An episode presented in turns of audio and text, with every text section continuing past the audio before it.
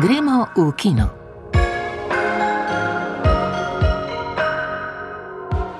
Lepo zdrav v naši tedenski oddaji v filmu. Film pod zvezdami na Ljubljanskem gradu se izteka, jutri nas čaka še Anet Leosa Karaksa. V oddaji pa se bomo ustavili predvsem ob torkovi predpremieri slovenskega filma Nekoč so bili ljudje Gorana Vojnoviča in sinočnjem filmu Krt. Z rednih sporedov bomo ocenili grozljivko Nihče in animirani film Luka. Najprej pa k slovenskemu filmu.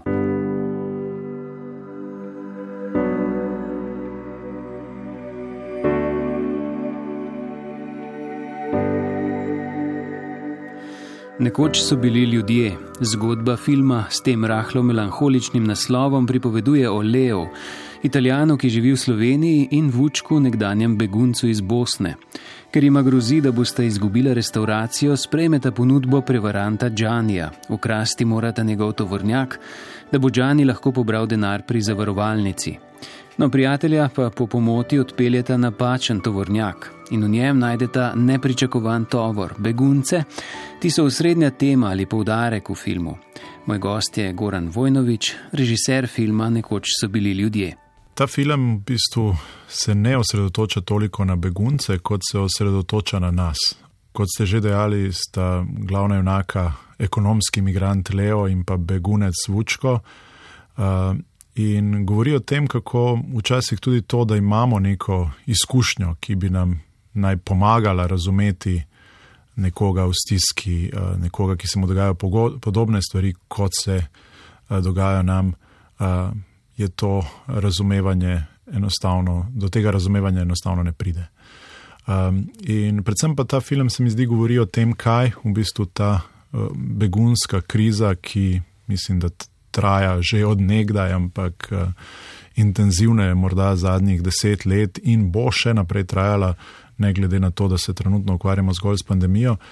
Kaj v bistvu povzroča, ne, kako nekako razkraja družbo. Ne, in to se je potem tudi v pandemiji seveda pokazalo. Ni več solidarnosti, ni več um, razumevanja, ni več nekak, nekega, neke humanosti. Ne.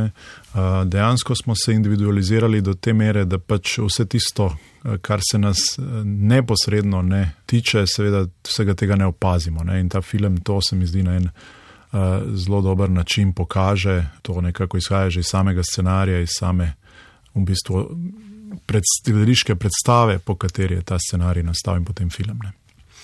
No, scenarij je napisal Tomazo Santi, zraven ste potem podpisani tudi vi. Zanima me prav to, kako je potekalo sodelovanje oziroma koliko se je recimo ta scenarij spreminjal od prve verzije pa do te končne. No, Tomazo Santi je že kar nekaj let nazaj napisal uh, scenarij po predlogi lasne uh, gledališke drame, uh, nekako na nagovor Francesca Borkija, igravca, ki je uh, z menoj sodeloval že pri filmu Piran Pirano in potem pri kratkem filmu Fontaine in pa ki je igral tudi v tej predstavi. Potem je kar nekaj časa trajalo, da sta nekje prišla do mene in da smo prišli na idejo, da bi to zgodbo, ki je bila v osnovi postavljena v Toskano, postavili na Tromejo. Tako da jaz sem v bistvu kot scenarist, če rečem, eh, sodeloval predvsem pri tej, tem prenosu zgodbe v ta naš prostor. Oziroma, na rob našega prostora, ker zgodba se delno dogaja tako v Avstriji kot v Italiji, uh, nekako pri umeščanju v bistvu te zgodbe v ta naš lokalni prostor. Ne. Zanimivo je, da sta scenaristom izbrala žanrsko pripoved, gre za thriller. Zakaj? No, mislim, da um, mogoče Tomazo v osnovi niti ni toliko razmišljal. Um, mislim, da je pisal na, zač na začetku scenarij nekako v Dardenovskem realističnem duhu. Se nam je pa potem v nekem trenutku, sploh ko smo premestili to zgodbo v ta prostor Tromeje, ki je idiličen, ki je v bistvu nekako že skoraj nerealno lep, eh, zdelo, da bo ta uh, realizem nekako. Neka ta krutost te zgodbe zelo težko prišla do izraza, ne glede na to, kaj bi mi počeli s kamero. Takrat smo seveda se odločili, da, da, da se ne izogibamo temu prostoru, ampak da ga ravno poudarimo, da ravno s, to, s tem na nek način žanrskim pristopom uh, to idilo nekako poudarimo in hkrati dosežemo ta kontrast med uh, tem, kar vidimo in tem, kar se v bistvu dogaja, oziroma tem, tudi česar ne vidimo v filmu. Ne. Um, to se mi je zdelo tudi meni ne tak, uh, neka metafora za sodobno Evropo, če, če hočete, ne, ker, kjer v bistvu na površini vse zgleda zelo urejeno, uh, prijazno, skoraj da idealno, pod površjem pa v bistvu je marsikdaj uh, daleč od tega. Uh, od te idile. Uh, tako da v bistvu malo je sveda pripomoglo k temu tudi, da je direktor fotografije Miloš Srdič, ki je predtem snemal jezero in je nekako bil že potopljen od, od te žanrske vode in je potem seveda od tam nekako prnesel en, bom rekel, navdih. Um, Eno idejo, no, ki smo jo seveda za naš film potem razvijali uh, drugače, ampak vseeno mislim, da smo nekje v, v tem, vsaj uh, v tem vizualnem pogledu, um, sledili tem, uh, temu žanrskemu pristopu, ki ga je z odliko opravil tudi pri uh, nadaljevanki jezera. Ne. V vsakem filmu je zelo pomemben ritem, v, pri žanrskem pristopu pa še posebej. Zgodba vse čas ohranja to napetost, koliko sta o ritmu govorila že scenaristom na začetku in pozneje recimo z montažerjem Ivorjem Ivezičem.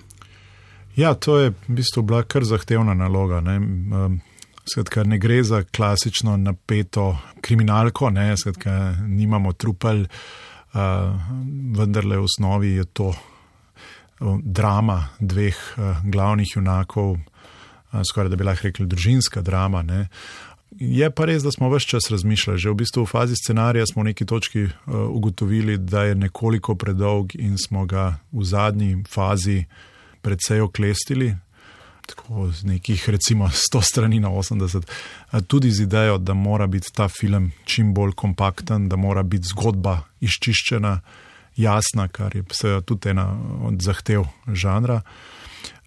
Potem pa seveda v montaži iskali ravno to, pač spet na nek način čistili, spet na nek način ohranjali ritem, vse čas. Ne. Ta montaža sicer potekala že po nekih pandemijskih vzorcih, čeprav se je odvijala leto dni prej, namreč Ivor je iz Zagreba in e, nekako nama je, so bile okoliščine take, da je prvi del v bistvu montiral sam. In potem, šele v neki drugi fazi, smo se potem usedla skupaj. Ne? In to se je izkazalo v bistvu za zelo zanimivo sodelovanje, sploh zato, ker je on najprej povsem neobremenjen tako scenarijem, kot nekako z mojo vizijo zgodbe, film v bistvu sestavil, uh, že neke stvari, ki so se mu zdele nepotrebne, iz filma umaknil, uh, neke stvari pokrajšal, neke stvari premetal. No. Ampak potem smo še vedno potrebovali precej časa, da smo ravno ta ritem dokončno ujela. Ne. Na koncu uh, pri filmu imamo to srečo, da še preden zaključiš, še preden ga daš uh, v roke gledalcem, uh, je navada, da v bistvu povabiš kolege sodel, bivše sodelavce, um, um, ljudi, ki nekje ti znajo včasih odpreti oči. Ne, in um, tu smo potem film še malo zgostili, ne, tako da se mi zdi, da ja, nekako res lepo teče no, in da zdrži od začetka do konca. Čeprav, kot sem rekel, to ni um, klasična napeta kriminalka s truplom in iskanjem morilca. Ne. Če v igralski zasedbi ta je mednarodna, v glavnih vlogah sta odlična Francesco Borki, že omenjeni, in Moamer Kasumovič. Zasedba je seveda vedno občutljiva stvar. Eh, zanima me, kako ste se lotili in še spomnim se izjave Boštjana Hladnika, da je za slabo igro v filmih vedno odgovoren režiser.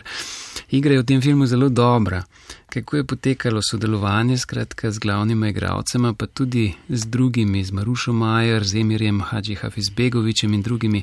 Kaj vas je morda presenetilo? No, če povlečem paralelo s košarko, ki jo v teh dneh vsi gledamo, ne, za slabo igro igralcev je seveda uh, kriv uh, režiser. Ne. Če pa igravci dobro igrajo, so, so zasluge izključno njihove, podobno je s selektorjem in igravci na košarkarskem terenu.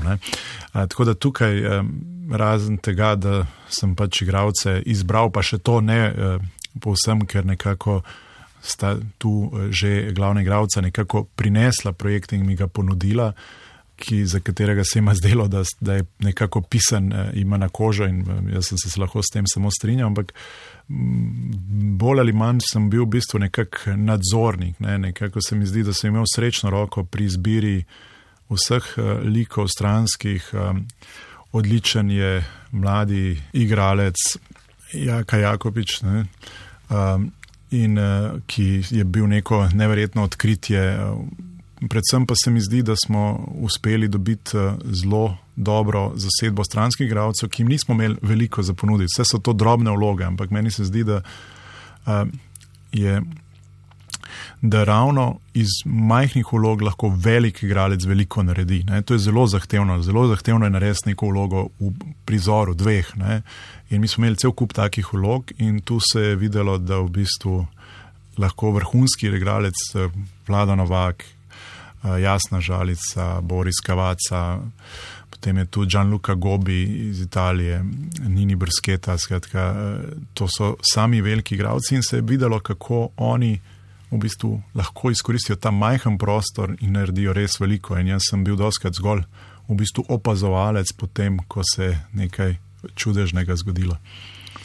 Ob koncu še poveva, da bo film Nekoč so bili ljudje doživel premiero v Cankarevem domu. Na gradu je bila predpremjerna projekcija in sicer bo premiera v okviru cikla Naši filmi doma 23. septembra. No, potem pa sledi v oktobru predstavitev na festivalu slovenskega filma in redna distribucija v kinih. Upajmo, da bodo res ostali odprti. Jaz sem v bistvu vesel, da se je zgodila ta predpremjera na gradu, da smo nekako dogovorili kino distribucijo. Verjamem, da bomo prikazali film tudi na Slovenskem filmskem festivalu, ki upam, da se bo res zgodil in da bodo tisti, ki si želijo ta film, imeli priložnost, da ga tudi vidijo. Ne? Po drugi strani spletne platforme seveda omogočajo tudi nekoliko daljše uh, življenje filmu, vsaj upam, da mu, tako da verjetno bo tudi marsikdo, ki bo zdaj mogoče zamudil, uh, lahko potem prišel na svoj račun in ta film videl. Goran, hvala za ta pogovor in seveda srečno s filmom. Hvala lepa. Contra Mercurio y veo un aviso que decía, se necesitan personas de 80, 90 años. Estoy loco, qué diablo, porque no me Vamos, convencía de 80, 90 años. Krt, nenavadna mešanica dokumentarca in detektivke, polna humorja, topline in slikovitih likov, nam pokaže, da nikoli ni prepozno za nove izzive in nova prijateljstva. Se glasi opis filma, ki je navdušil festivalska občinstva ter prejel nominacijo za Oskarja za najboljši dokumentarec. Sinoči so film prikazali na Ljubljanskem gradu, ogledati pa si ga bo mogoče tudi v okviru izolskega kinootoka in tudi otoka v Ljubljani konec avgusta. In kako je film videla Petra Meterc? Dokumentarni film Krt čilske režiserke Maite Alberdi se začne v duhu klasičnih detektivskih zgodb. Dolgoletnega zasebnega detektiva Romula stranka najame, da bi preveril, kako se godi njeni mami v domu za starejše in ali v njem morda ni deležna zlorab. Romulov zato v časopisu objavijo glas za moškega med 80 in 90 letom starosti, ki bi nekaj mesecev pod krinko bival v tem domu in mu z vohljanjem pomagal razkriti, kaj se v njem zares dogaja za skrbovanci. Na podlagi intervjujev z moškimi, ki se na oglas odzovejo, izbere 83-letnega, pred kratkim ovdovelega, a čilega in uglajenega Serhija. Osrednji lik filma kmalo postane prav Serhijo, ki se s skrivnim poslanstvom useli v dom. Film sprva prevzame igrivo, humorno noto. Ko Romulo Serhija pripravlja na detektivsko delo, njuno sodelovanje spremljamo v karikiranem ozračju filma Noir. Izkaže se namreč, da ta kljub entuzijazmu ni iz pravega testa za detektiva. Med drugim mu pri vsem skupaj preglavice povzroča že sam pametni telefon, ob pomoči katerega naj bi Romulu poročal o dogajanju v domu. Dokumentarni film ob Serhijevi uselitvi v dom za starejše postopno opusti poigravanje z detektivskim žanrom. Pripoved vodi Serhijev intimni pogled na mikrokozmos v ustanovi, ki je zvedal, ob spoznavanju posameznikov v domu pa spoštljiv in nežen. Čeprav si Serhijo vtise skrivaj zapisuje v zvezek, vsak dan pa Romulu po WhatsAppu pošilja glasovna poročila, se svojega detektivskega poslanstva loteva prek iskrenega spletanja vezi z oskrbovanci in aktivne vključitve v dinamiko skupnosti v domu. Serhijo z zapisi in glasovnimi sporočili Romulu v dokumentarnem filmu prevzame vlogo filmskega pripovedovalca ko prek njegovih premislekov spoznavamo oskrbovance v domu, ki si v okviru omejitev za zidovi ustanove, kolikor je le mogoče, osmišljajo svoja življenja, spletajo prijateljstva, pa tudi zaljubljajo, postane vse očitneje, da ni v domu prav nič šokantnega, kar bi moral razkrinkati. Njegove ugotovitve so nasprotno kar najbolj življenske. Pred nami se razkrijajo obrazi osamljenosti, portreti ljudi, za katere družba ne najde primernega razumevanja in jim ne zna prisluhniti tako, kot to stori Serhijo, kot avtonomnim posameznikom z raznovrstnimi življenskimi zgodbami, ki se vse prevečkrat počutijo odrinjene in pozabljene. So they took maybe 20 bucks and an old watch? Mr. Manson, did you even take a swing? No. Could have taken her, Dad. Ko nekega večera v dom Hača Mensla udreta tatova, ta noče braniti sebe ali svoje družine, saj upa, da bo tako preprečil resno nasilje. Njegov najstniški sin je nad njim razočaran, njegova žena pa se od njega odmakne. Posledice dogodka Hača poženejo na brutalno pot, ki razkrije temne skrivnosti in še kaj. To je kratek oris zgodbe grozljivke Nihče, ki se je ta teden uvrstila na redni spored kinematografov. Ogledal si jo je Matic Majcen.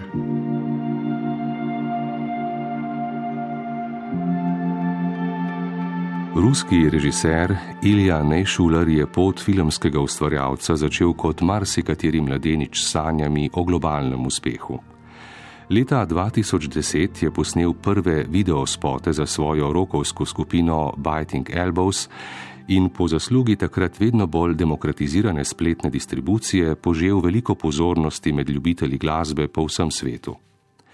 Njegovi videi so na YouTubu prejeli na milijone ogledov, predvsem zaradi režiserjevega drznega sloga, ki je vključeval zelo prepoznavno estetsko potezo: snemanje akcijskih prizorov iz prvoosebne perspektive v slogu strelskih računalniških iger. Nej Šuler je potem ta koncept leta 2015 razširil v celovečerni prvenec Hardcore Henry, pri katerem je svoje bravure prvič razkazal na zahtevnem ameriškem tržišču. Njegov drugi celovečerec, film Nihče, je te dni na ogled v slovenskih multipleksih in tudi ta film že v prvih minutah pokaže jasno željo po nadaljevanju režiserjevega hitrega uspona. V filmu Nihče smo postavljeni v vsakdan Hača Mensla, igra ga Bob Odenkirk, na vides običajnega družinskega očeta, ki se sooči z velikim osebnim ponižanjem, ko med ulomom v družinsko hišo ne pomaga svojemu sinu pri prerivanju zlomilci. Možakar se odloči narediti konec svojemu konformizmu in se na lastno pest odpravi poiskat storilce.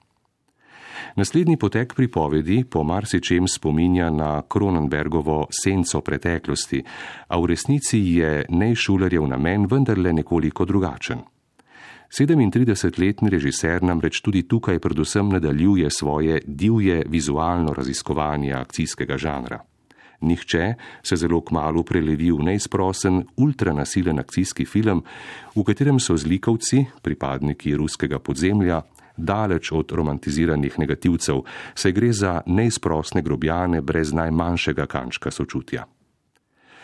Prej, kot da bi Nejšuler zares želel slediti Kronenbergovemu filmu, kaže očitno namero, da bi se priključil izročilu žanrskih režiserjev z nagnjenjem k nasilju, kot so Takashi Mike, Park Chan-wook in Quentin Tarantino. Pri filmu Nihče pa vendarle v oči najbolj zbode dejstvo, da Nejšuler z njim dejansko uspe preseči oznako enodimenzionalnega akcionerja ter sestaviti dovršen film na nivoju omenjenih mojstrov žanra. Celovečerec namreč odlikuje tudi zelo dobro napisan scenarij Dereka Kolstada, ustvarjalca franšize John Wick, izvrstna fotografija ter ne nazadnje še ena izvrstna igralska izvedba Boba Odenkirka.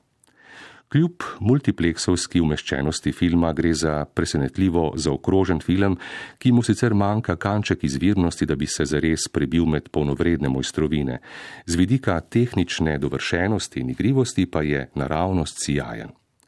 Ruski režiser je desetletje po svojih videospotovskih začetkih tako že vstopil med režiserske velemojstre in ima vse možnosti, da bo v naslednjem desetletju še bolj velikopotezno soustvarjal ameriški in svetovni žanrski film.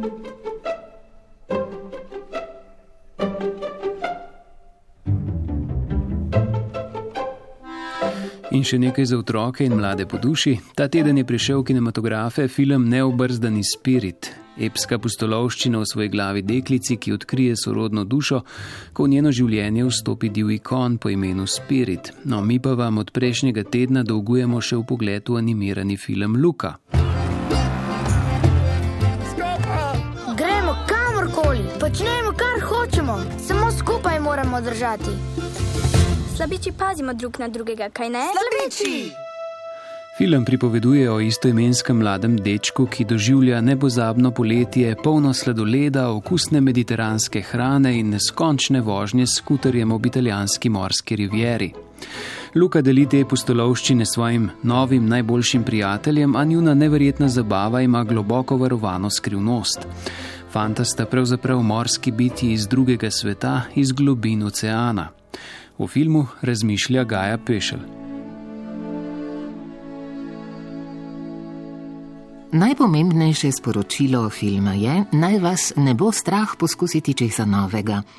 Je na eno najmanj izvirnih novinarskih vprašanj odgovoril mladi Jacob Tremblay, ki je v novi Pixarjevi animirani pustolovščini Luka posodil glas naslovnemu junaku. Temu sporočilu pa bi brez pardona ob bok lahko postavili še nekaj drugih, ki jih morda bolj opazi predvsem malo starejše občinstvo, saj so otrokom pogosto, k sreči, še povsem samoumevna. Ustvarjalci pod režijsko taktirko Enrika Kazaroze so posebno pozornost namenili ne le neupogljivemu prijateljstvu, ki je v taki ali drugačni obliki gonilna sila večine tovrstnih filmov, ampak tudi tako imenovani drugačnosti, odstopanju od družbenih norm. To pa v filmu izredno simpatično prikažeta mali morski pošasti. Morska pošastka Luka in njegov novi prijatelj Alberto si namreč želita izkusiti življenje nad vodno gladino, kjer se njuni z luskami pokriti telesi spremenita v povsem navadno človeško kožo in fanta tako, vsaj na vides, postaneta čisto navadna človečka. A seveda samo na vides, in ko se v želji po svoji lastni vespi, s katero bi lahko raziskala v svet, odpravita na adrenalinsko pustolovščino v italijanskem mestecu, ki v svoji majhnosti, z vsem srcem in povsem brez razloga sovraži morske pošasti, sta tako njuna skrivnost kot tudi prijateljstvo večkrat močno ogrožena. Na koncu se, kot se za pravljice spodobi, seveda vse prav lepo izide. Kakor pri preostalih Pixarjevih filmih se tudi pri tem hudič skriva v detajlih, zato pozornejšim gledalcem ne bodo ušle številne spretne navezave na tokrat seveda predvsem italijansko, filmsko in književno zgodovino. Na stenah je tako moč zaslediti plakat legendarnega Felinijevega filma Cesta. Tudi jadrnica se imenuje po naslovni junakinji tega filma Gelsomini, trg se imenuje Piazza Calvino, mačku prijateljice glavnih junakov je ime Machiavelli in tako naprej. Kazaroza je na vdih za svoj celovečerni prvenec črpal tudi pri legendarnem japonskem režiserju animiranih filmov Hayao Miyazakiju in njegovem studiu Ghibli. To pa se kaže predvsem v slogu tokratne Kazarozove animacije. Ta je v primerjavi s preostalimi Pixarjevimi filmi zadnjih let namreč nekoliko bolj v slogu risanke, rahlo pretirana in napihnjena, to pa se odlično poveže z zgodbo ter filmu doda tisto piko na i. Luka morda ni ravno kak animacijski filmski presežek, tudi zgodba ni prav izvirna in je vsekakor že večkrat videna, a sporočila kot so prijateljstvo, pogum in predvsem sprejemanje drugačnega je tako in tako dobro poudarjati znova in znova. Če se pri tem še izvrstno zabavaš ob nam precej domačih, italijansko obarvanih šalah in dovtipih ter izredno simpatičnih glavnih junakih, pa toliko bolje.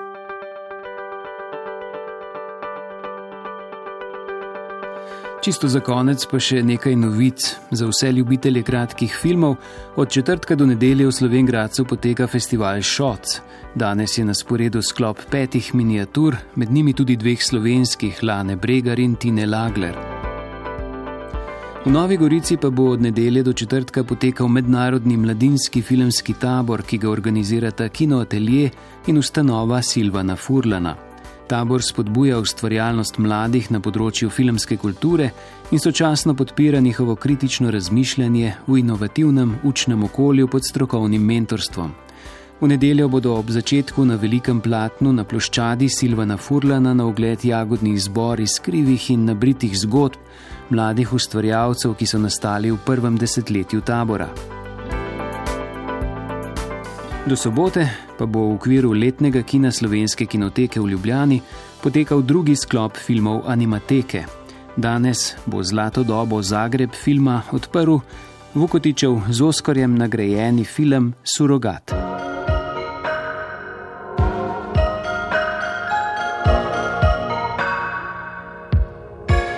To bi bilo vse v oddaji Gremo v kino. Oblikovali smo jo Jasna Rodošek, Renato Horvat, Tina Ogrin, Gašpr Loborec in Matej Juh. Oddajo lahko poslušate tudi na naši spletni strani ali jo poiščete v aplikaciji za podkaste. Lepo zdrav do prihodnjega tedna.